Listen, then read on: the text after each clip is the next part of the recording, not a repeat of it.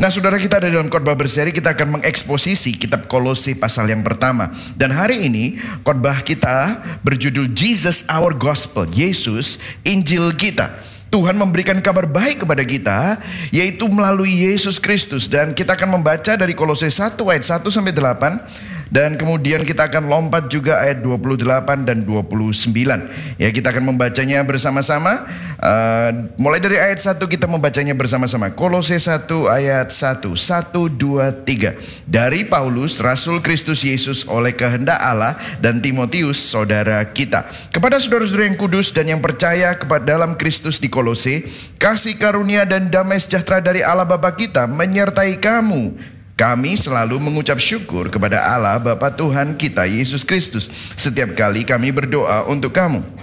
Karena kami telah mendengar tentang imanmu dalam Kristus Yesus dan tentang kasihmu terhadap semua orang kudus. Ayat 5, oleh karena pengharapan yang disediakan bagi kamu di surga, tentang pengharapan itu telah lebih dahulu kamu dengar dalam firman kebenaran, yaitu Injil, yang sudah sampai kepada kamu. Injil itu berbuah dan berkembang ke seluruh dunia, demikian juga di antara kamu sejak waktu kamu mendengarnya dan mengenal kasih karunia Allah dengan sebenarnya sebenarnya ayat 7 semuanya itu telah kamu ketahui dari Epafras kawan pelayan yang kami kasihi. Yang bagi kamu adalah pelayan Kristus yang setia. Dialah juga yang telah menyatakan kepada kami kasihmu dalam roh. Kemudian ayat 28 saya lagi dialah yang akan yang kami beritakan. Apabila tiap-tiap orang kami nasihati tiap-tiap orang kami ajari dalam segala hikmat untuk memimpin tiap-tiap orang pada kesempurnaan dalam Kristus. Ayat 29 itu itulah yang kuusahakan dan kubergumulkan dengan segala tenaga sesuai dengan kuasanya yang bekerja dengan kuat di dalam aku. Berbahagialah orang yang mendengar firman Tuhan, memelihara dalam hatinya dan melakukan dalam hidupnya. Nah, ini adalah minggu pertama dari Advent. Katakan sama-sama Advent. Advent. Apa itu Advent? Dalam bahasa Latin itu artinya coming bahasa Inggrisnya yaitu kedatangan. Advent artinya menanti kedatangan Kristus sang Mesias. Nah, Saudara, Mesias sudah datang. Kristus sudah datang. Namun, saya mau bertanya sama Saudara hari ini. Saudara ada di dalam gereja yang gospel center. Saudara mungkin hari ini tune in pada channel Gibeon Church yang merupakan gospel center church. Jadi setiap minggu saudara pasti mendengar presentasi Injil. Setiap minggu saudara pasti mendengar khotbah yang berpusat pada Injil. Tetapi dengar saudara, mendengar Injil dipresentasikan dengan memahami Injil datang masuk ke dalam hati, menyentuh serta mengubah kehidupan adalah hal yang sangat berbeda. Nah, saya akan memulainya dengan sebuah kisah dengan dua anak muda 200 tahun setelah reformasi, ada dua anak muda yang bernama William Holland and Charles Wesley. Saya tahu fotonya tidak begitu muda ya saudara ya. Tetapi mereka awalnya adalah dua anak muda ya. Dua tokoh Kristen yang hidupnya mengalami jamahan yang luar biasa saudara. Dan mereka mengalami jamahan Tuhan itu bukan di KKR. Dan bukan pada saat mereka datang ke sebuah kebaktian. Atau dengar kesaksian artis atau ikutan konser Kristen. Mereka adalah William Holland and Charles Wesley. Mereka dari gereja Anglican. Mereka sangat beragama, orang agamis, sangat bermoral, tapi ada kekosongan. Mereka akhirnya dalam kekosongannya bergabung dalam klub Kristen, klub Kristen di universitas yang namanya Holy Club. Bayangkan saudara, klubnya namanya Klub Kudus. Waduh keren sekali ya. Ingin belajar tentang Tuhan, dan apa yang mereka lakukan di Holy Club itu, mereka membaca buku komentari tentang kitab Galatia yang ditulis oleh Martin Luther, sang reformator. Jadi sekelompok anak muda, mereka ingin kenal Tuhan, nggak tahu ngomong sama siapa, mereka join club yang namanya Holy Club, mereka baca buku, bukunya komentari. Mereka saling membacakan satu dengan yang lain dengan suara yang lantang. Satu malam Charles Wesley membacakan komentari kitab Galatia di Awalnya saja, baru pembukaan. Kemudian apa yang terjadi?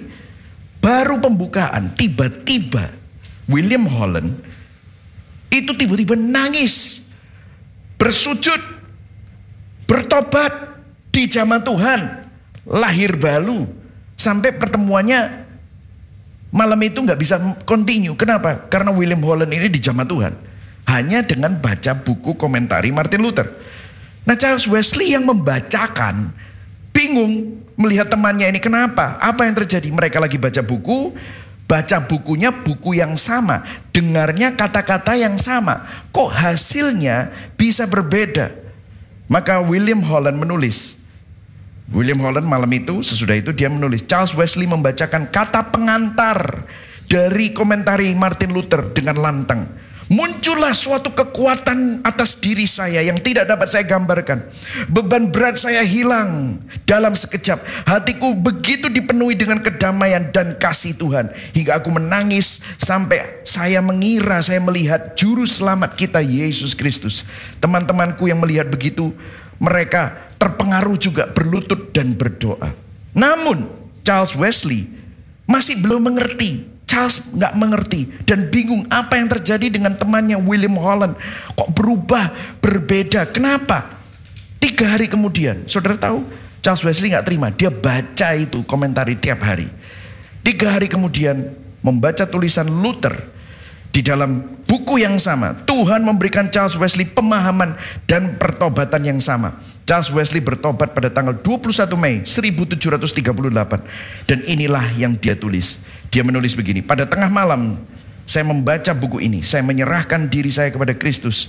Saya dijamah Tuhan, saya aman, baik saat saya tidur maupun saya bangun, maupun saya berjalan, saya aman di dalam Kristus. Akhirnya kedua tokoh ini membuat pergerakan yang luar biasa di Inggris yang membawa suatu gelombang kebangunan rohani. Charles Wesley menulis lagu Heart The herald angels sing glory to the newborn king. Ya itu ya saudara ya. Charles Wesley menulis lebih dari 5000 hymn.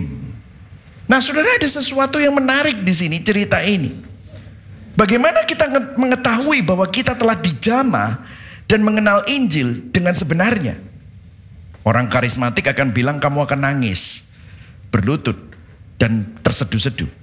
Orang reform akan bilang kamu akan menerima pencerahan meskipun mukanya datar-datar saja gitu Saudara.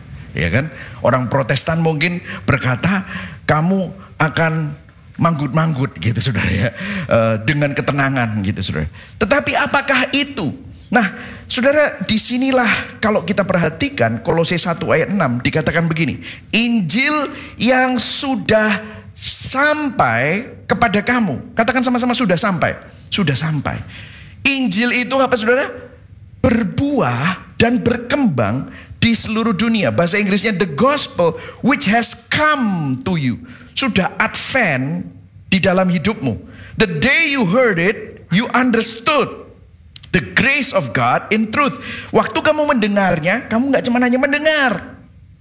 Kamu bukan hanya memahami secara biasa, tetapi mengenal ginosko, Karuka mengenal kasih karunia Allah dengan sebenarnya. Nah saudara pertanyaan saya begini.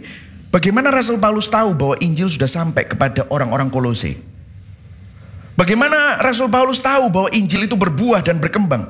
Artinya ada buktinya. Yang setuju katakan amin. Ada buktinya, ya kan? Artinya waktu kita mengenal kasih karunia Allah dengan sebenarnya ada buktinya. Nah, apa yang menjadi buktinya?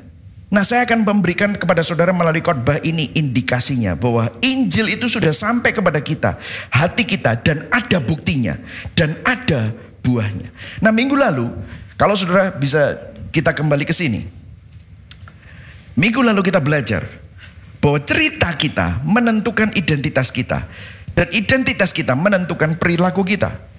Jadi apa yang saudara putuskan, apa yang saudara pikirkan, apa yang saudara uh, uh, menjadi tindakan-tindakan saudara itu dipengaruhi oleh siapa yang Anda percayai tentang siapa saudara. Dan apa yang saudara percaya tentang siapa saudara itu dipengaruhi oleh cerita yang saudara dapat tentang dirimu. Nah tanpa Injil kita selalu percaya bahwa oh ya saya selalu bilang kan Michael Christian itu adalah seseorang yang keras seorang yang hard worker, seorang yang disiplin, seorang yang sangat detail. Kenapa? Karena dulu waktu saya di, saya saya grow up, saya ada di sebuah lingkungan yang sangat disiplin, sangat penuh dengan peraturan, sangat keras. Sehingga kalau saya bisa bilang I'm broken. Saya penuh dengan penderitaan dan mungkin ada kepahitan-kepahitan. Dan apa yang terjadi? Kalau cerita saya berdasarkan brokenness saya, cerita saya berdasarkan masa lalu saya yang kelam mungkin, ada penderitaan, ada kepahitan. Apa yang terjadi? Identitas saya. Saya selalu ada di dalam identitas yang broken. Dan itu akan selalu membuat berhala. Berhala itu misalnya kalau saya memang orang yang mau diakui, maka saya akan melakukan perilaku saya untuk mendapatkan pengakuan. Saya kerja keras untuk jadi kaya, untuk jadi sukses, untuk dianggap orang. Sehingga cerita saya yang broken itu menentukan identitas saya yang ingin diakui. Sehingga semua apa yang saya lakukan itu semua berdasarkan apa yang menjadi identitas saya yang berdasarkan cerita saya yang rusak. Itulah sebabnya tiap minggu kita perlu mendengar Injil. Sehingga cerita saudara itu diubah. Cerita Tuhan jadi cerita saudara. Sehingga Injil juga bisa menebus identitas saudara. Sehingga berhala selama, semakin lama semakin redup. Saya selalu bilang begini, saudara belum pernah ngerasain nikmatnya Kristus, makanya saudara maunya senang sama nikmatnya seks, sama nikmatnya hedonisme, sama nikmatnya materialisme dan kemewahan dan kefanaan dunia. Makanya saudara belum pernah kayak saudara minum kopi sachet, sachetan, makanya saudara nggak pernah merasakan yang lebih enak kopi yang berasal dari Itali, kopi yang berasal dari Perancis. Sudah nggak pernah ngerasain itu atau kopi yang berasal dari Aceh Gayo nggak pernah ngerasain itu makanya sudah selalu happy dengan kopi yang pakai sacetan itu dan sudah bilang wah ini enak kopinya. Yu itu nggak enak, lu belum ngerasain yang enak. Begitu juga dalam hidup kita, kita selalu kembali kepada cerita kita. Kenapa? Kita belum merasakan dan melihat keindahan Injil. Itulah sebabnya kita selalu dengan cerita kita yang penuh dengan brokenness kembali kepada berhala. Tetapi semakin saudara mendengar Injil, semakin saudara ditebus identitasmu oleh Injil, berhala itu lama-lama akan hilang karena engkau memandang kepada pribadi Kristus. Yang setuju katakan amin. Ya. Sudah bisa melihat ini ya. Nah pertanyaannya kan begini, Pastor gimana caranya membuat cerita saya diganti sama ceritanya Tuhan. Karena banyak orang mendengar Injil, terus hidupnya tetap saja sama, penuh dengan brokenness, penderitaan dan kepahitan. Kenapa? Saya nggak bilang penderitaan itu jelek. Tetapi kalau saudara hidup dalam penderitaan tapi identitasmu Kristus, saudara akan tetap sukacita. Betul nggak saudara? Ya kan? Tetapi kalau saudara hidup dalam penderitaan dan identitasmu bukan Kristus, tetapi identitasmu adalah berhalamu, maka perilakumu pasti akan selalu negatif, sengak, nggak enak, penuh dengan kepahitan. Kenapa? Karena ceritamu belum ditebus, identitasmu masih sama. Gimana caranya buat Injil ini bisa mengubah ceritamu menjadi ceritanya Tuhan? Eh, terbalik, ceritanya Tuhan menjadi ceritamu, ya, jangan terbalik ya saudara. Ceritanya Tuhan menjadi ceritamu. Nah, inilah yang akan saya bahas minggu ini. Ini ngomong gini aja 5 menit saudara ya. Jadi poin saya ada tiga. Injil adalah kabar baik. Apakah Injil adalah kabar baik buat saudara? Yang kedua, Injil berkuasa mengubah. Apakah Injil mengubah saudara?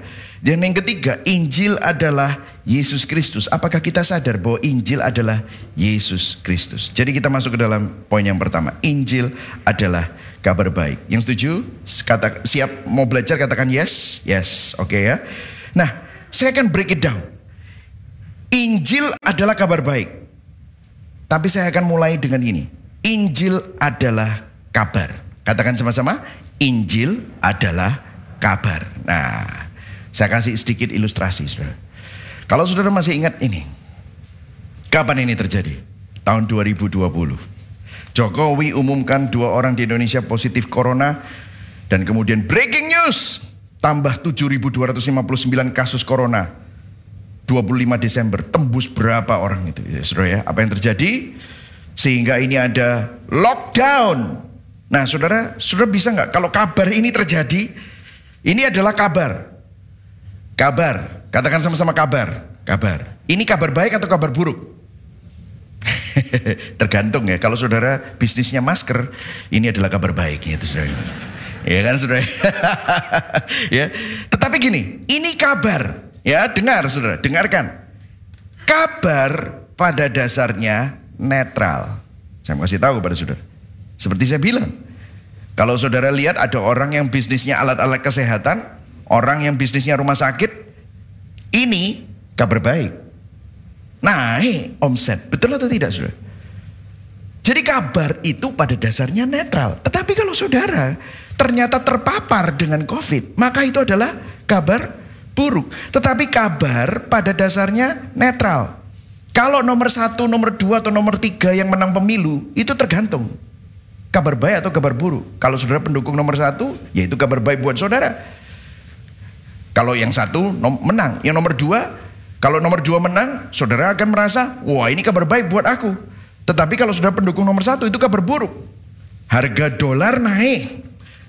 Itu kabar baik atau kabar buruk? Tergantung saudara transaksinya dolar dengan rupiah.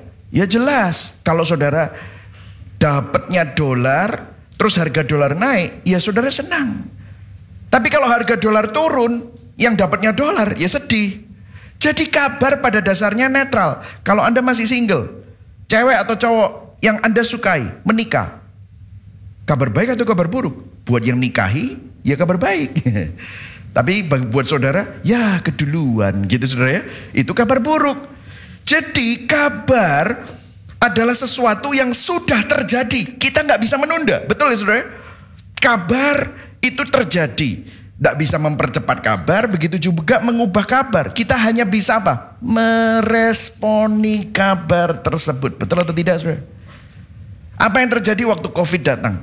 Saudara langsung apa? Beli masker, meresponi. Kembali ke sini. Kabar menentukan identitas dan perilaku. Saudara tahu, aku mau jadi orang sehat. Ini hanya dalam yang fana saja. Ceritanya apa? Covid datang, maka aku mau tetap sehat. Perilakunya menentukan responnya. Betul atau tidak, saudara? Saudara respon. Aku mau divaksin. Aku harus karantina.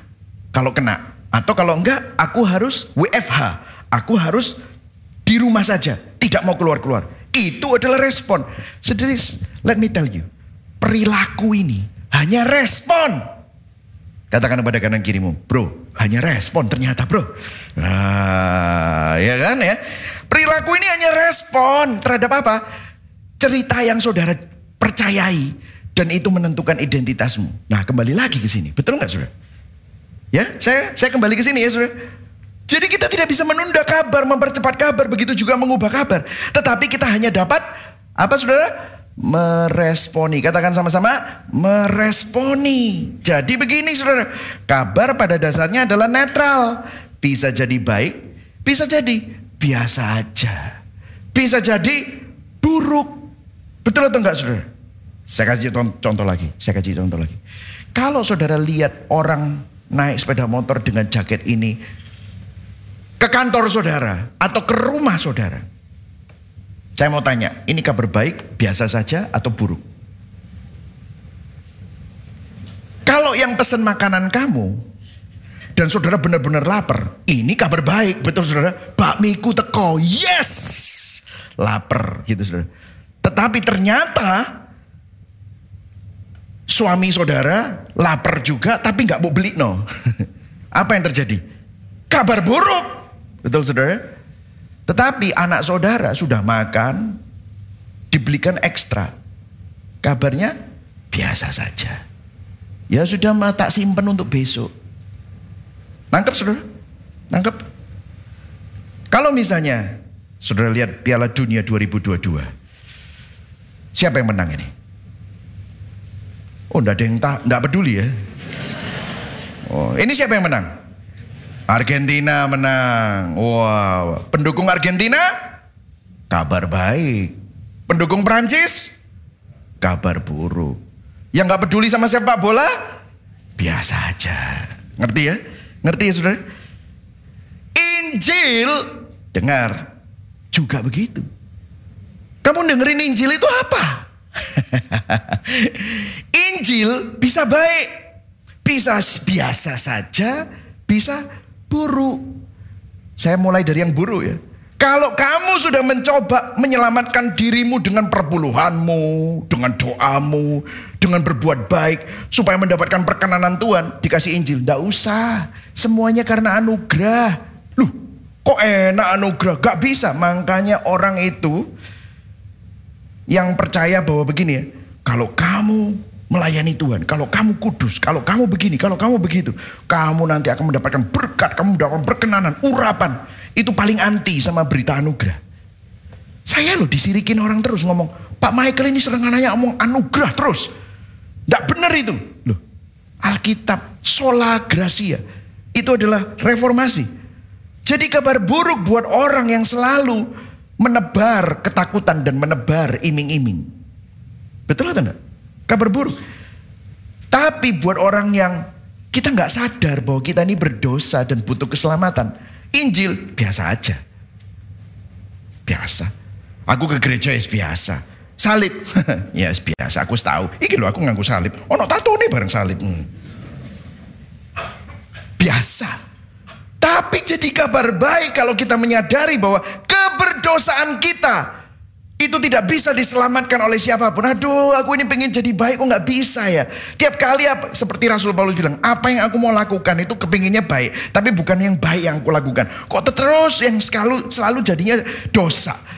Dan tiba-tiba ada kabar anugerah bahwa Tuhan mati buat kamu. Tuhan bangkit buat kamu. Tuhan memberikan barang siapa yang ada di dalam Kristus dia adalah ciptaan yang baru. Yang lama sudah berlalu, yang baru sudah datang. Karena begitu besar kasih Allah akan dunia ini sehingga dia mengaruniakan anaknya yang tunggal supaya barang siapa yang percaya kepadanya tidak binasa melainkan beroleh hidup yang kekal. Wow, tiba-tiba saudara bisa melihat ini kabar baik buat saudara.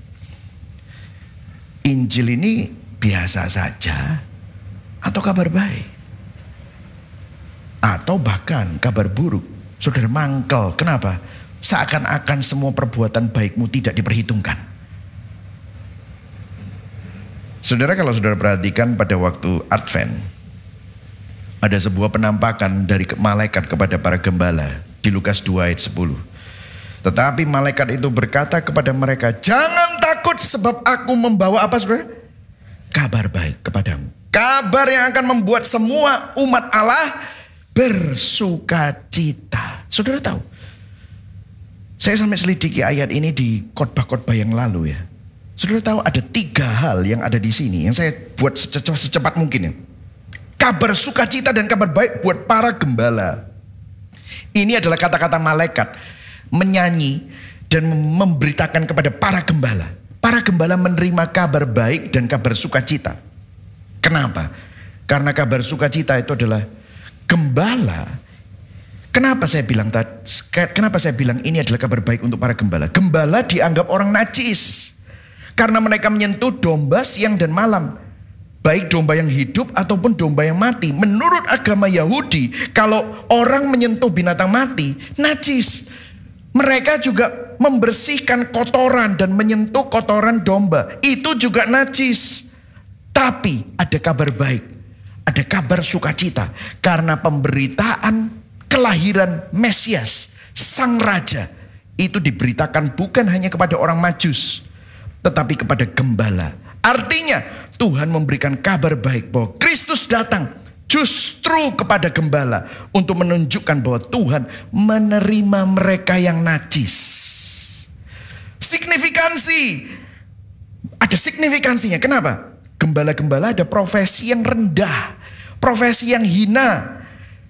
Dan karena proses profesi mereka yang rendah dan hina itu, mereka nggak bisa masuk ke dalam bait Allah atau ke rumah ibadah. Mereka dianggap sama rendahnya dan hinanya dengan pelacur. Sama dengan pemungut cukai. Bahkan kalau ada tindak kriminalitas, kalau sampai ada yang jadi saksi itu para gembala, maka kesaksian mereka nggak bisa diterima sebagai bukti. Gembala itu begitu hinanya sampai mereka tidak memiliki signifikansi. Tapi dengar, Tuhan memberikan kabar baik bahwa Kristus datang untuk para gembala. Untuk menunjukkan bahwa Tuhan menerima mereka yang bahkan tidak dianggap orang dan hina. Pengadilan tidak menerima mereka, tetapi Tuhan menerima mereka. Saya tanya sama saudara. Apakah Injil itu kabar baik buat saudara?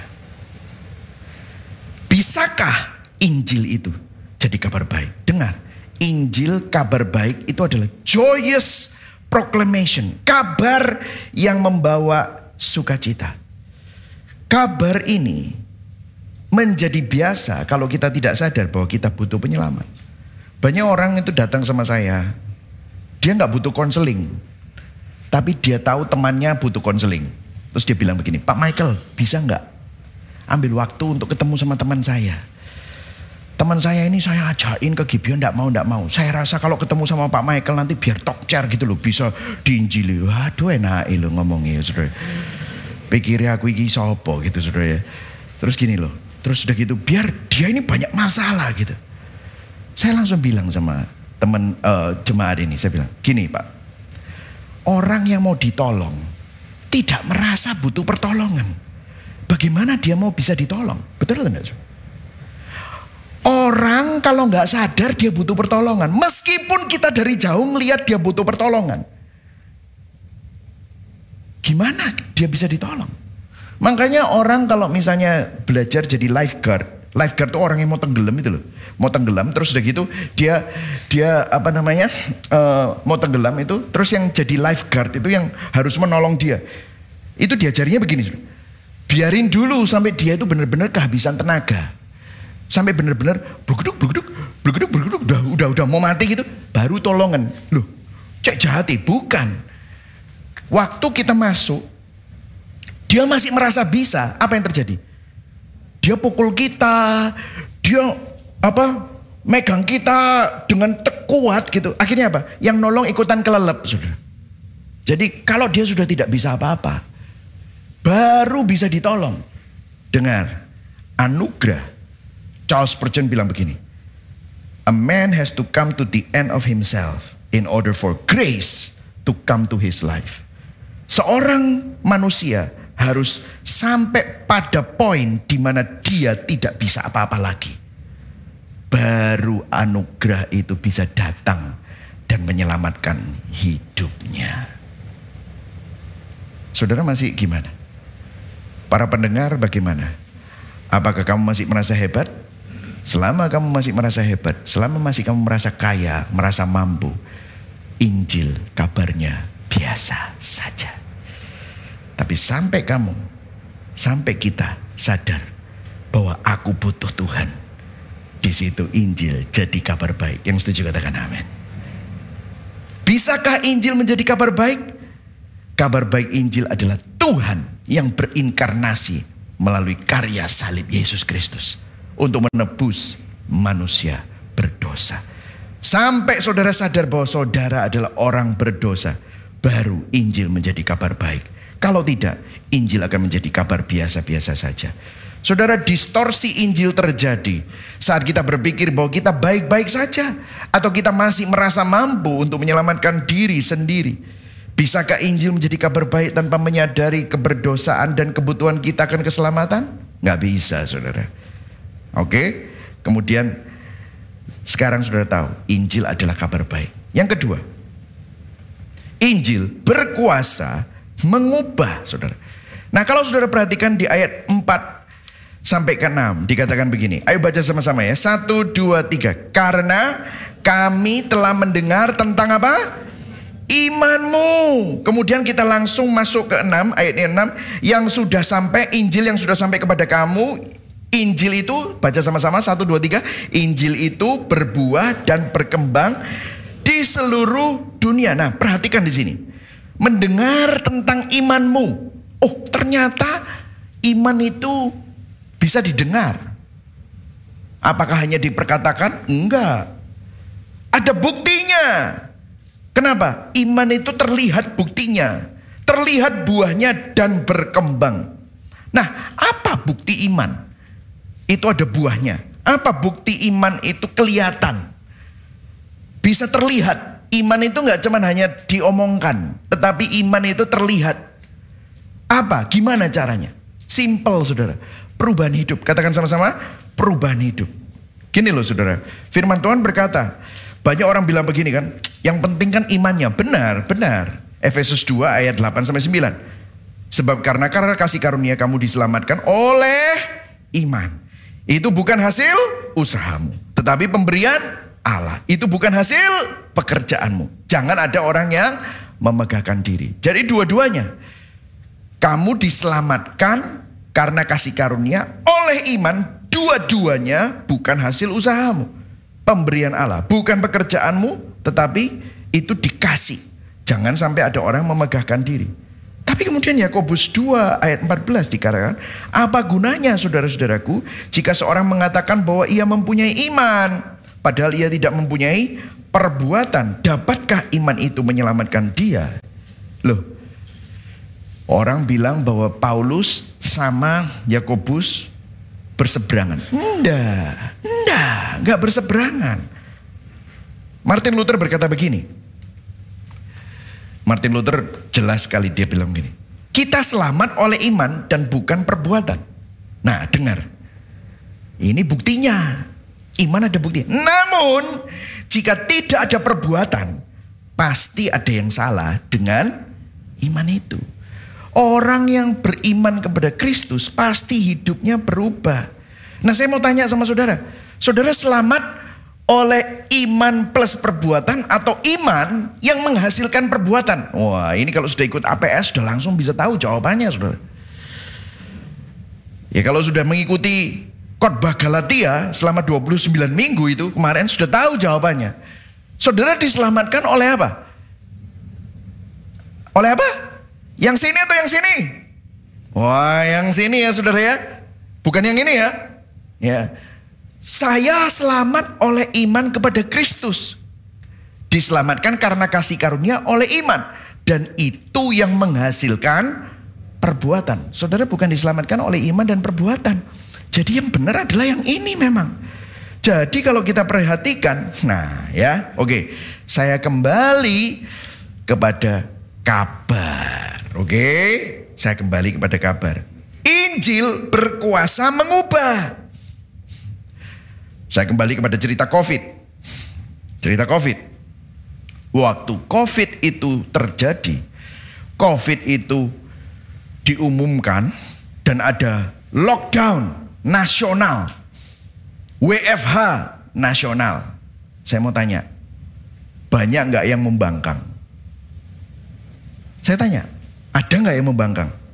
Ada. Ada yang nggak peduli? Ada. Ada yang tetap buka toko? Ada. Tapi ada nggak yang nurut?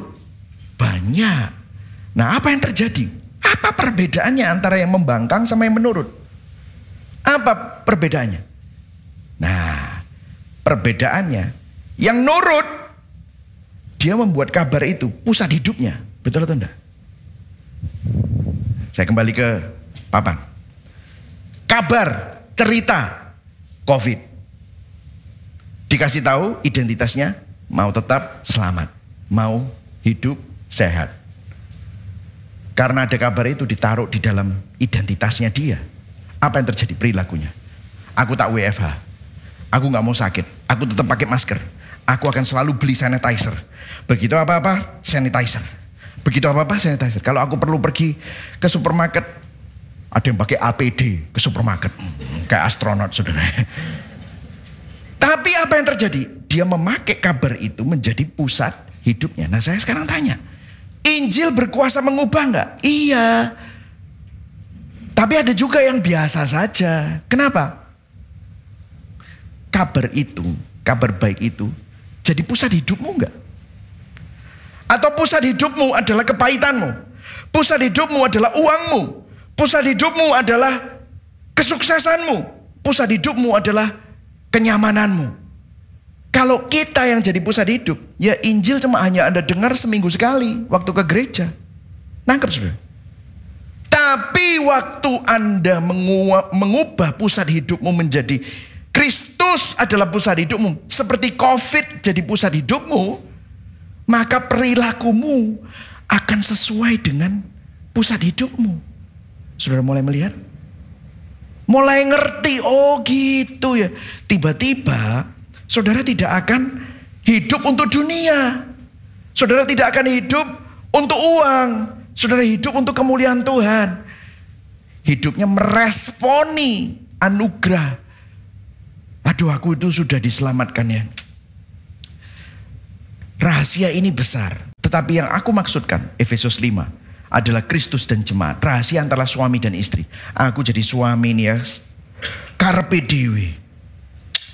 Tuhan udah selamatkan aku, udah ngampuni aku. Tapi aku ini ya suka gondok sama istriku. Aku ini suka marah-marah. Tidak sadar aku orang berdosa. Waktu saudara taruh itu di dalam pusat hidup saudara. Maka pandangan saudara terhadap istrimu berubah. Pandangan saudara terhadap uang berubah. Pandangan saudara terhadap pernikahan berubah. Pandangan saudara terhadap pekerjaan berubah. Kenapa? Karena kabar itu, kabar baik itu menjadi pusat hidup kita. Ada buktinya. Orang bisa lihat. Makanya Rasul Paulus bisa tahu bahwa Injil sudah sampai, tersiar bukti imanmu. Dan sekarang berkembang dan berbuah. Hidup saudara berbuah? Ada buktinya enggak? Nah ini pertanyaan. Mau tahu tesnya apa? Ini loh tesnya. Untuk mengetahui apakah Injil, ini loh, kembali ke papan ya. Apakah Injil menjadi pusat hidup kita, mengganti cerita kita, dan menebus identitas kita. Kembali ke slide lagi. Untuk mengetahui apakah Injil menjadi pusat, apa isi doa dan keinginanmu? Makanya saya selalu bilang gini, kalau ingin tahu seseorang dan kenal seseorang, ajak dia berdoa. Isi doa neopo sih? Kalau isi doanya itu cuma minta Tuhan, aku minta mobil, aku minta rumah, aku minta kesuksesan, aku minta ini, minta itu. Tidak salah sih. Tapi kalau tujuh hari, 365 hari, doanya tiap kali minta, minta, minta, minta terus, Minta itu mintanya lain loh saudara. Bukan minta barang. Tapi Tuhan kasih aku kekuatan. Dalam menghadapi semua ujian ini. Tuhan kasih aku kasih. Waktu aku ketemu sama orang yang mungkin menjahati aku. aku ah, isi doanya dan keinginan hatinya berbeda. Kenapa? Dia menaruh Kristus jadi pusat hidupnya. Apa yang membuat kita bersuka cita? Apa yang membuat kita berduka? Yang membuat kamu senang ini apa sih? Waduh, kalau ada orang itu kenal Injil, berubah hidupnya. Gara-gara kita ini berkontribusi sedikit, roh kudus bekerja dalam hidup seseorang, wah orang itu diubah. Aduh senangnya. Akhirnya apa? Saudara bersuka cita. Apa yang menjadi tujuan hidup kita? Kalau saudara yang menjadi tujuan hidup saudara itu semuanya berdasarkan apa yang diukur oleh uang, sukses, semua yang berdasarkan materi. Waduh, artinya Injil belum menjadi pusat. Injil, kabar baik menjadi pusat hidup. Itu akhirnya apa? Tujuan hidup kita membawa kemuliaan bagi Tuhan. Doa dan keinginan kita, nama Tuhan dipermuliakan. Doa dan keinginan kita itu bukan tentang melulu kebutuhan kita, tetapi kebutuhan anak-anak kita, kebutuhan orang-orang lain di sekitar kita. Kita bersyafaat untuk kebutuhan orang lain. Kita sadar bahwa identitas kita pendosa yang sudah diselamatkan oleh kasih karunia. Kedukaan kita, kebahagiaan kita. Duka kita tuh Tuhan ampuni aku Tuhan aku udah berdosa. Aku ini kadang-kadang punya tabiat yang karakter yang suka marah, gondoan. Tuhan ampuni aku Tuhan. Ajar aku untuk tidak hidup dengan berhala, tetapi aku percaya sama kamu supaya aku damai, penuh dengan kasih. Dan kebahagiaannya adalah apa? Injil diberitakan dan Injil dihidupi. Saudara, waktu saudara menaruh Injil, kita kembali ke papan. Injil mengubah cerita kita. Injil mengubah identitas kita. Apa yang terjadi? ke, ke, ke slide ya. Kita mengubah lensa pandangan kita. Ini loh. Kita perlu belajar meninggalkan cara dunia, unlearn dan kita perlu belajar ulang bagaimana menemukan Injil di dalam kehidupan kita dan memiliki lensa yang berdasarkan Kristus untuk memandang apa? Memandang keuangan, pekerjaan, anak, keluarga, penderitaan, seks, pertemanan, hubungan, kesehatan jiwa, masa depan dari apa? Kacamata Injil. Kacamatanya Injil. Mulai menangkap saudara. Jadi saudara perlu kita lihat bahwa firman Tuhan itu bukan cuma hanya kita dengar hari Minggu. Tapi kabar itu harus jadi pusat kehidupan kita. Yang setuju katakan amin. Ayo kita baca sama-sama Kolose 1 ayat 23. Tadi belum kita baca ya. Baca sama-sama. 1, 2, 3. Kabar itulah dasar dari semua yang... Stop dulu sampai di situ. Coba dicerna. Kabar itulah dasar dari apa? Semua yang kita harapkan. Ayo terus ya. Satu, dua, tiga. Janganlah kalian berpindah dari dasar itu.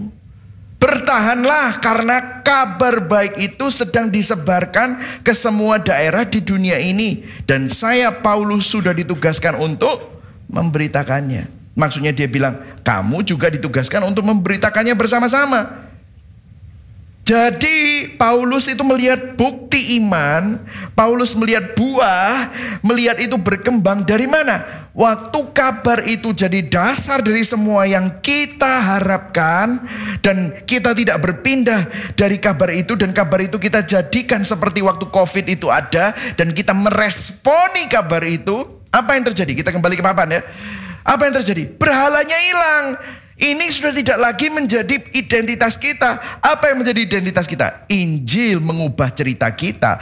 Injil mengubah identitas kita. Menebus identitas kita. Sehingga yang kita pandang adalah Kristus. Dan respon kita setiap hari dalam keuangan, dalam seks, di dalam pernikahan, dalam pekerjaan. Kabar itu dasar dari semua. Yang setuju katakan amin. Dan saudara tahu, saya mau masuk ke poin yang ketiga. Kabar itu siapa? Nah, kabar itu bukan tentang Yesus loh. Tentang itu harus dihilangin. Ya. Kolose 1 ayat 28. Baca. 1, 2, 3. Kristus itulah yang kami beritakan kepada setiap orang. Jadi kita masuk dalam poin yang ketiga. Injil adalah Yesus Kristus. Saudara, mengapa Injil adalah kabar baik yang berkuasa? Jadi Injil adalah kabar. Injil adalah kabar baik yang berkuasa dan mengubah. Kenapa? Karena Injil bukan hanya tentang Yesus. Namun Injil adalah Yesus Kristus itu sendiri. Karena Injil bukan tentang Yesus, tetapi Injil adalah Yesus Kristus sendiri. Injil bukan tentang bagaimana kita mencapai Tuhan. Injil bukan tentang bagaimana kita bisa hidup saleh. Injil bukan tentang bagaimana kita mendapatkan perkenanan Tuhan. Dengar. Yohanes 14 ayat 6. Ayo baca sama-sama. 1, 2, 3. Kata Yesus kepadanya. Akulah jalan dan kebenaran dan hidup. Tidak ada seorang pun yang datang kepada Bapa kalau tidak melalui aku. Jadi dengar saudara, berbedanya agama dengan Injil, saudara bisa loh menaruh agama menjadi porosmu. Tapi agama itu begini, agama menunjuk jalan. Agama begini loh caranya menjadi benar. Agama berkata bagaimana caranya memperoleh hidup. Tapi Injil Yesus bilang gini, akulah jalannya. Akulah kebenaranmu. Akulah sang kehidupan. Tidak ada seorang pun yang dapat datang kepada Bapa kalau tidak melalui aku. Itu Yesus berkata begitu. Nah saudara mungkin Anda bertanya. Memangnya saya butuh kebenaran? Saya orang baik kok. Nah Saudara tahu, di kitab keluaran, di perjanjian lama. Seorang imam, kalau mau datang ke ruang maha kudus, itu dia harus pakai jubah imam besar. Dan kalau sudah perhatikan, di kitab keluaran, seorang imam, kalau dia pakai baju imam besar, itu bajunya begitu spesifik sekali. Panjangnya, desainnya, warnanya, celananya, ornamen-ornamennya. Dikatakan ini adalah baju kekudusan imam besar. Saya pernah bertanya, maksudnya begini, bertanya sama diri saya sendiri. Kenapa ya Tuhan begitu peduli sama baju yang begitu spesifik untuk menghadap dia? Kayak fashion designer gitu loh. Kayak Tuhan itu fashion designer yang sangat melankolik dan cermat. Bajunya harus sesuai, kalau enggak, kalau enggak, mati. Mati. Aneh. Nah saya waktu itu nggak ngerti. Terus saya membaca keluaran 28 ayat 43 saya nggak usah bacakan. Tetapi dikatakan bahwa kalau seorang imam besar tidak menggunakan baju ini masuk ke ruang maha kudus. Dia langsung mati karena kesalahannya. Karena kesalahannya. Nah dengar, dengar, dengar. Mungkin saudara berkata begini. Apa hubungannya sama akulah jalan kebenaran dan hidup? Dengar. Ada dari perjanjian lama Tuhan ingin memberikan bayangan bahwa harus ada baju yang menjadi lapisan, menjadi barrier, menjadi lapisan antara Tuhan yang Maha Kudus dengan orang berdosa. Dan baju ini adalah bayangan dan baju ini adalah nubuat akan Kristus Yesus. Dengar, saat kita percaya kepada Kristus, waktu saudara dan saya percaya kepada Kristus, dia yang menjadi baju kita jalan masuk kepada Tuhan yang Maha Kudus. Yesus Kristus menjadi jubah kita sehingga kita menemukan jalan masuk. Yesus Kristus jadi jubah kebenaran kita. Kita yang berdosa tidak lagi dilihat oleh Tuhan, tetapi yang Tuhan lihat adalah jubah kebenaran. Karena kita percaya kepada Kristus, kita mengenakan jubah kebenaran Kristus. Dan bukan hanya itu, Dialah sang kehidupan. Dia menjadi kehidupan kita. Artinya begini, the gospel is Jesus plus nothing. Injil adalah Yesus plus tidak ada yang lain. Cuma Yesus tok. Karena Yesuslah yang menjadi baju kita. Sehingga kita bisa ketemu sama Tuhan. Saudara dan saya dulu adalah musuh Allah. Saudara dan saya adalah orang-orang yang dibuang oleh Allah yang mestinya tidak berharga dan semestinya dihukum oleh Allah. Tetapi sekarang saudara dan saya, sekarang saudara dan saya menjadi biji mata Allah.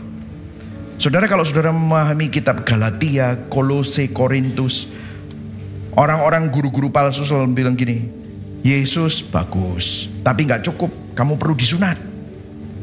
Kamu punya Yesus bagus, tapi kamu juga butuh hukum Taurat. Kamu punya Yesus bagus, tapi kamu harus melakukan ini dan kamu melakukan ini. Problemnya ya orang sekarang, kita punya Yesus, tapi kita juga butuh bla bla bla bla. Yesus plus ketika kita percaya Kristus, di dalam Kristus, Kristus menjadi kebenaran saudara. Kristus adalah kemuliaan saudara. Kristus adalah kebijaksanaan saudara. Kristus adalah kehidupan kita. Sehingga kabar itu bukan cuma hanya di luar kita. Tapi kabar itu menjadi pusat kehidupan kita. Kalau kita perhatikan di ayat yang terakhir kita baca tadi. Kolose 1 ayat 29. Itulah yang kuusahakan. Dan kupergumulkan dengan segala tenaga sesuai dengan kuasanya. Yang bekerja dengan kuat di dalam aku Dengar saudara, dari mana Paulus mendapatkan kekuatan untuk mengusahakan, untuk mengumulkan dan menghidupi panggilannya.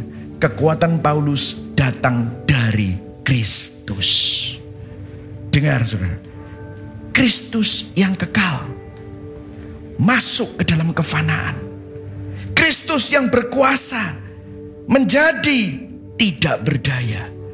Kristus yang terkuat menjadi yang terlemah.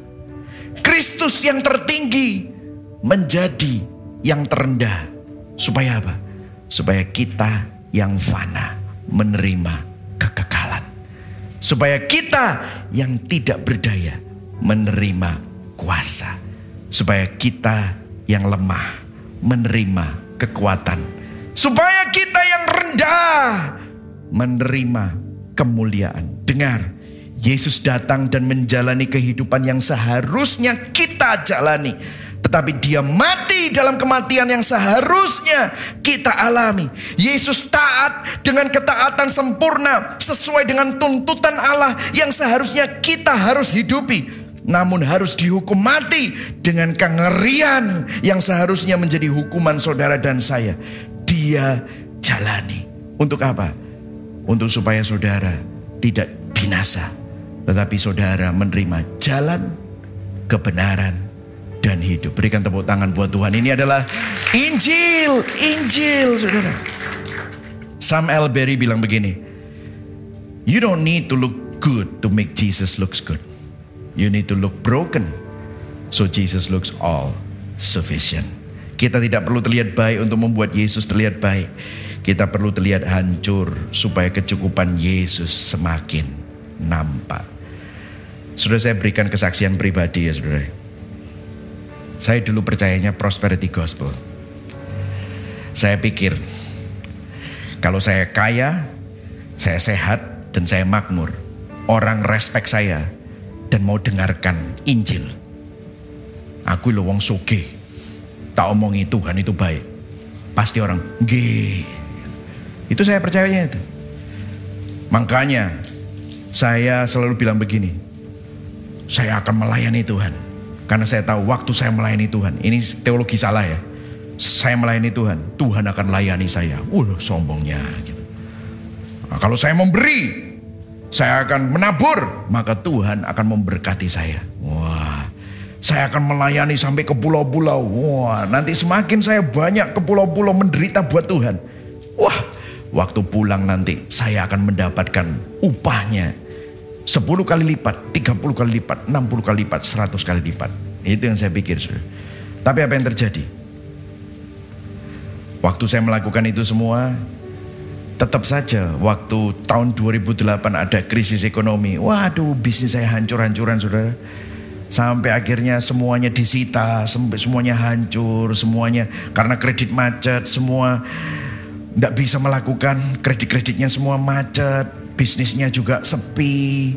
Semua trade show trade show juga sepi. Waduh, kita habis-habisan rumah yang saya bangkan itu harganya jadi setengah, saudara. Gila, gimana saya? Nggak, pokoknya benar-benar habis, saudara. Saya sampai marah sama Tuhan. Tuhan, mana buktinya? Kamu katanya kalau saya layani engkau katanya engkau melayani saya. Kalau saya memberi katanya wah saya marah sekali. Tapi di situ saudara saya sadar cerita saya kembali ke sini. Cerita saya, meskipun saya pakai Tuhan, tapi nggak berubah. Kenapa? Saya mau pengakuan gara-gara saya dulu merasa nggak diakui. Saya butuh diajeni, dihormati orang, direspek orang. Akhirnya apa? Berhala. Saya nggak pernah ngerubah. Memang kelihatannya saya melayani Tuhan. Ternyata apa yang saya lakukan kelihatannya sama dengan orang yang berinjil. Tetapi saya nggak berinjil. Saya menjadikan keduniawian saya, kepahitan saya, penderitaan saya, itu yang menjadi poros kehidupan saya. Tapi justru di situ, I am broken, seperti Sam Elberry bilang. Saya hancur, saya nggak punya apa-apa lagi. Saya mau sombong apa? Dulu, gembala saya bilang, Mike, kamu ini ada panggilan untuk jadi pastor. Saya bilang, Pak Pendeta, kamu gak bisa bayar saya. Uh, sombongnya. Saya aja yang bayarin kamu. Sombongnya luar biasa. Sampai Pak Pendeta saya, ya sudah, diem aja. Sombongnya setengah mati. Tapi waktu itu saya datang ke Pak Pendeta saya, hancur, habis. Dan doain saya. Dia cuma bilang, Tuhan sama kamu. Aduh, di situ saya ketemu sama Tuhan. Sudah tahu kenapa? Kok Yesus selalu ada di tempat yang paling rendah? Gembala dia ada di sana. Salib dia ada di sana. Kenapa? Kok selalu Yesus selalu ada di tempat yang paling gelap, di antara tempat yang paling hancur, di tempat yang paling rendah. Kenapa? Supaya waktu saudara datang ke tempat yang paling rendah, waktu saudara hancur sampai di tempat yang paling gelap, saudara tidak jumpa sama siapa-siapa, tapi saudara jumpa sama Yesus.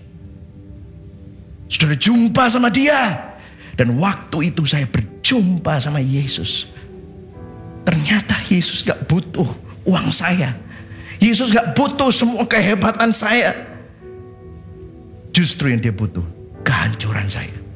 Sehingga cerita saya bisa ditebus. Diganti oleh Injil. Identitas saya yang selalu berdasarkan ini. Diganti oleh Injil. Sehingga saya tidak lagi ber, berharap sama berhala. Tapi saya memandang hanya kepada Kristus. The gospel is Jesus plus nothing. Injil adalah kecukupan Kristus bagi kita.